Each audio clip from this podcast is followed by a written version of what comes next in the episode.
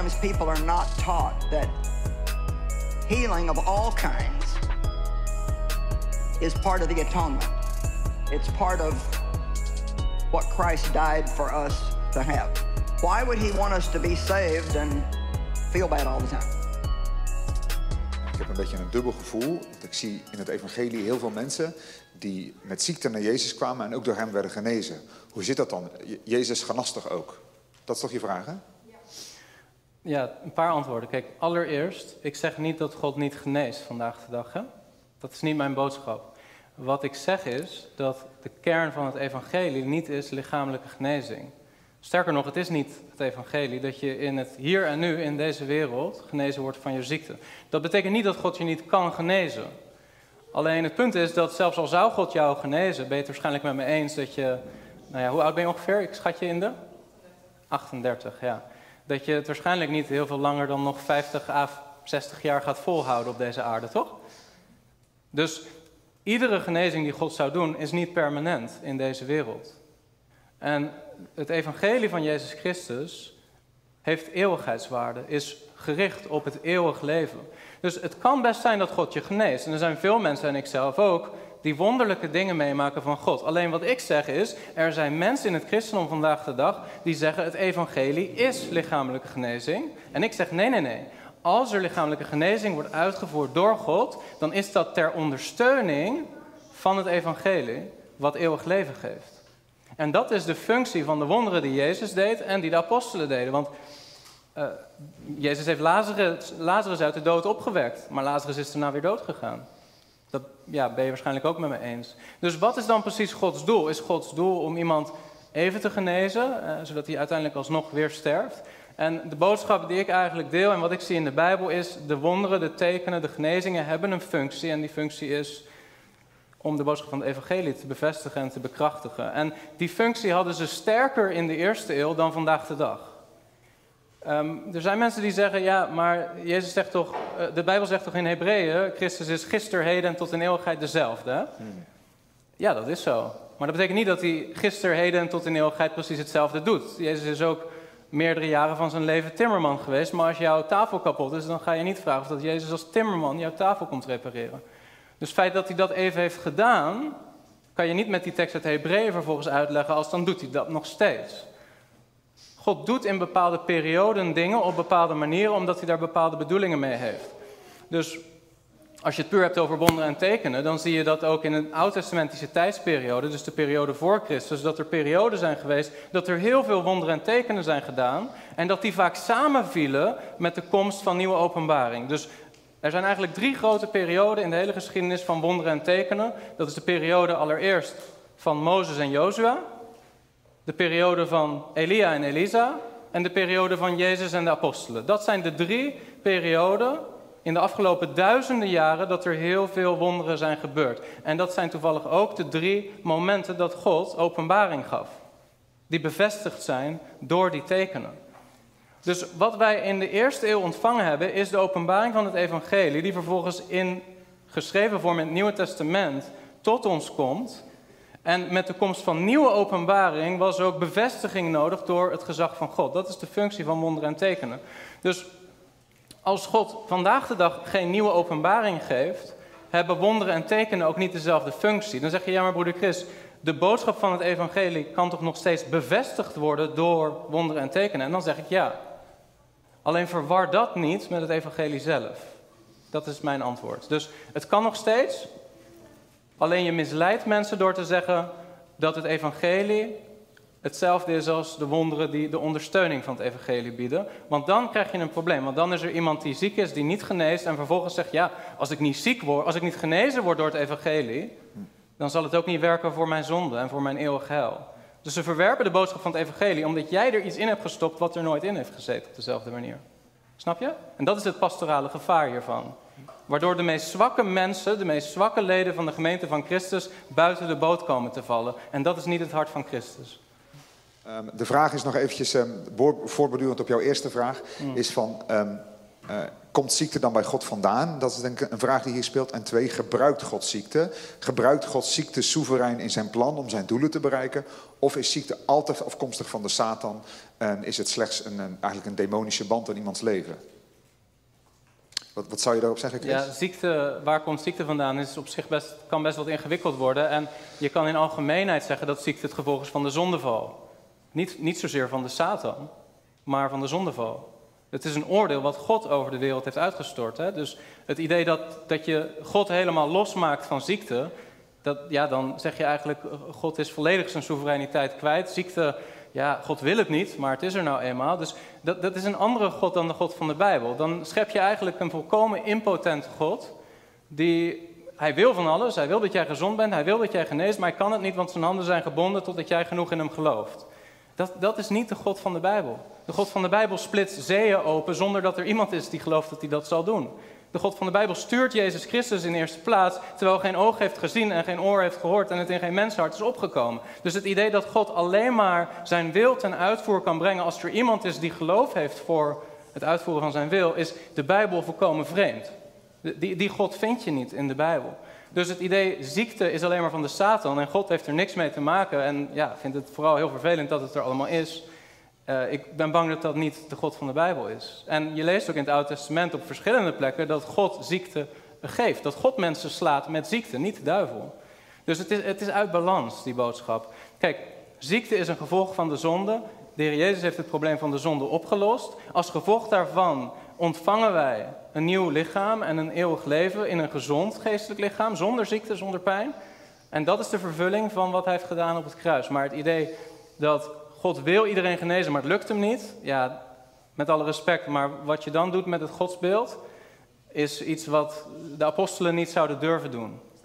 Is er soms wel een relatie te leggen tussen ziekte en demonische gebondenheid, zoals bijvoorbeeld die zieke vrouw in de Bijbel die door een onreine geest uh, bezet was? Ja, maar als je bijvoorbeeld naar het boek Job kijkt, dan zie je heel duidelijk hoe de verhoudingen liggen.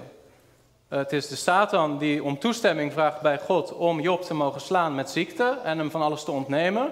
En het is God die hem in zijn soevereiniteit die toestemming geeft. En die vervolgens die hele gebeurtenis gebruikt om Job hem beter te laten leren kennen. Dus God heeft een groter doel in het leven van Job hmm. dan hem gezond houden. Hij heeft een groter doel. Hij heeft als doel dat Job hem in zijn heerlijkheid leert kennen. En dat is wat we zien gebeuren aan het eind van het boek. Dus ondanks dat de Satan weliswaar een rol heeft in het krijgen van ziekte, is het een soevereine God die hem zeg maar de ruimte geeft om dat te doen. Maar ook degene die de grenzen stelt aan wat de Satan wel en niet kan doen. Hoe leggen Word of Faith predikers dan het boek Job uit, is de vraag? Ja, Word of Faith predikanten uh, en ook de auteur van dit boek zou zeggen... ja, maar Job was niet opnieuw geboren en leefde niet onder het Nieuwe Testament. Dus al die beloften die golden nog niet voor Job. En daarmee brengen ze een scheiding aan tussen wat God dan wel en niet kon in het Oude Testament en wat hij wel en niet kan in het Nieuwe Testament. En dat heeft weer te maken met het hele idee dat iemand die onder het nieuw verbond is, die opnieuw geboren is, een kleine God is. Terwijl Job dat niet is. Hij is, heeft de natuur van de Satan. Hier in de zaal wordt een vraag gesteld. Um, hoe zit het dan met die tekst uit Johannes 14, vers 12, waar staat, waar Jezus zegt, jullie zullen grotere wonderen doen, wonderen doen dan ik gedaan heb, grotere werken doen dan ik gedaan heb. Oké. Ik heb een vraag aan jullie, een wedervraag. De Heer Jezus heeft een menigte van duizenden mensen gevoed met een paar broden en een paar vissen. Heeft iemand dat ooit gedaan na hem? Heeft iemand iets groters gedaan dan dat? In de handelingen van de apostelen of in de rest van de heilsgeschiedenis? En het antwoord is nee. Niemand heeft dat ooit gedaan. Jezus heeft water in wijn veranderd. Heeft iemand dat gedaan? Nee. Ja, er zijn allerlei verhalen inderdaad. Nee, maar zie je vandaag de dag mensen het doen met je eigen ogen? Je weet niet alles wat er op de wereld gebeurt, maar je belandt op deze manier in een soort Walt Disney christendom. Want eh, dit, dit, dit is een fantasiewereld waar je in belandt. Dit zijn dingen die de Heer Jezus heeft gedaan om zijn gezag te bevestigen. Maar wat betekent het dan dat de Heer Jezus zegt, u zult grotere dingen doen dan deze? Allereerst is het wel zo dat de apostelen veel wonderen en tekenen hebben verricht. Eh, zelfs met de zweetdoek van Paulus werden allerlei mensen genezen. Dus dat, daarin zou je kunnen zeggen, goh, daar doet misschien Paulus iets wat groter zou kunnen zijn dan de wijze waarop de Jezus mensen genas. Dus dat zou je zo kunnen zien. Alleen de vraag is, is datgene wat de Jezus zegt tegen zijn directe toehoorders ook normatief voor jou vandaag de dag? Dus moet jij ook grotere dingen doen dan wat Christus doet? En als dat zo is, dan zou je kunnen zeggen, ja, maar wat is groter? Wat is groter? Is dat wat er gebeurde in Handelingen hoofdstuk 2 met het uitstorten van de Heilige Geest? En het feit dat de Heer Jezus weliswaar mensen genas, maar nog niet een voltooid evangelie predikte, omdat hij nog niet was gestorven aan het kruis, omdat hij nog niet was opgestaan, omdat hij nog niet was verheerlijkt, kon hij niet het voltooide evangelie prediken. En wat predikte Petrus? Wat predikte Paulus? Het evangelie van het kruis. Het evangelie van het plaatsvervangend offer van Christus. En als gevolg werden mensen opnieuw geboren. Werden mensen opnieuw geboren toen Jezus predikte? Mensen werden nog niet opnieuw geboren op dat moment. Mensen werden opnieuw geboren na de Pinksterdag, toen de Heilige Geest werd uitgestort. Dus er werden grotere dingen gedaan, ook vanuit geestelijke ogen, nadat Jezus zijn bediening had vervuld, toen hij de Heilige Geest stuurde. Maar dat die grotere dingen per definitie moeten betekenen dat mensen nu grotere wonderen zouden doen dan wat Jezus toen deed, dan zeg ik nee. En ik geloof ook niet dat je kan laten zien dat het zo is. Nogmaals, dan zouden we ook moeten verwachten dat heel veel van die charismatische stromingen, eh, en Word of Faith kerken, dat daar uh, doden worden opgewekt, zoals in de Nieuwtestamentische tijd. Ik wil je erop wijzen dat Bethel Church in Californië, die nogal in deze theologie zitten, uh, nog niet heel lang geleden een kindje hadden wat was overleden. En ze hebben met de hele kerk gezegd, met profeten erbij en al, en hun apostelen, God zal dit kindje gaan opwekken uit de dood. Heel de Verenigde Staten met cameraploegen is naar die kerk toegegaan om te filmen wat er gebeurde. En als echte Baal-priesters hebben ze daar staan dansen en bidden en rollen over de grond in de geest, et cetera, et cetera. En het kindje is niet opgewekt. En wat denk je dat dat doet met de boodschap van het evangelie? Het verpest het getuigenis van het evangelie in de wereld. En dat is het probleem met deze theologie. Dus ik zeg niet God geneest nooit, maar ik zeg als je dit onderdeel maakt van het evangelie, ja, dan ben je op een gevaarlijke toer die Paulus ook niet zou ondersteunen. Chris, er is hier een vraag ehm, uit de, de chat die ik even graag wil stellen. Um, meerdere mensen stellen die vraag. Iemand zegt hier bijvoorbeeld, ik ben juist een boek van Joyce Meyer aan het lezen. Um, uh, ik heb de boodschap van vanmiddag gehoord, die vind ik helder. Uh, maar wat moet ik nu doen met zo'n boek? Hoe, wat zou je ons daarin aanraden? En dan moet je niet alleen het boek van George maken, maar gewoon als je ja. literatuur aan het lezen bent waar je dit soort gedachtegoed in toe. Hoe moet je daar nou mee omgaan? Nou ja, kijk, ik zou het niet verkopen, want dan zadel je iemand anders op met zo'n boek. Hè? Dus ik zou zorgen dat je ervan afkomt op een manier dat het niet veel meer schade gaat veroorzaken dan dat het al gedaan heeft. Hè? Dat is mijn mening hierover. Kijk, uh, Joyce Meyer is helemaal doordrenkt van Word of Faith theologie. En uh, ik bedoel, als, als je, misschien kan het zijn dat je denkt, ja maar ik ben een zuster en het heeft voor mij meer waarde om ook onderwijs van een zuster te horen. Dan zijn er gelukkig ook zusters die gewoon uh, onderwijs hebben voor zusters met goede orthodox-christelijke leer. Uh, maar ja, wat Joyce Meyer onderwijst is, is nogal gevaarlijk. Dus... Maar ik hoor veel mensen zeggen, Chris, die zeggen nee, kijk, ik ben dankbaar voor je boodschap van vanmiddag. Ik heb een stukje meer onderscheiding gekregen. Maar ik lees zo'n boek zoals je een vis eet. Ik eet het vlees op en de gaten laat ik liggen. Hoe zou je daar dan op reageren?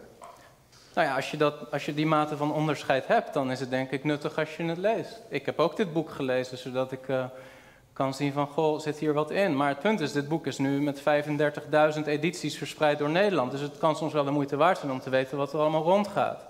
Als dat je doel is, dan zou ik zeggen, lees het. Maar als je doel is om te groeien in relatie met God, dan zou ik zeggen, laat dat boek liggen. Ik bedoel meer dat laatste, dat je zegt, ik kan van zo'n boek toch iets leren wat mij geestelijk opbouwt. Dat bedoel ik met het vis en Ja, maar kijk, je hebt in het leven een beperkte hoeveelheid tijd, hè?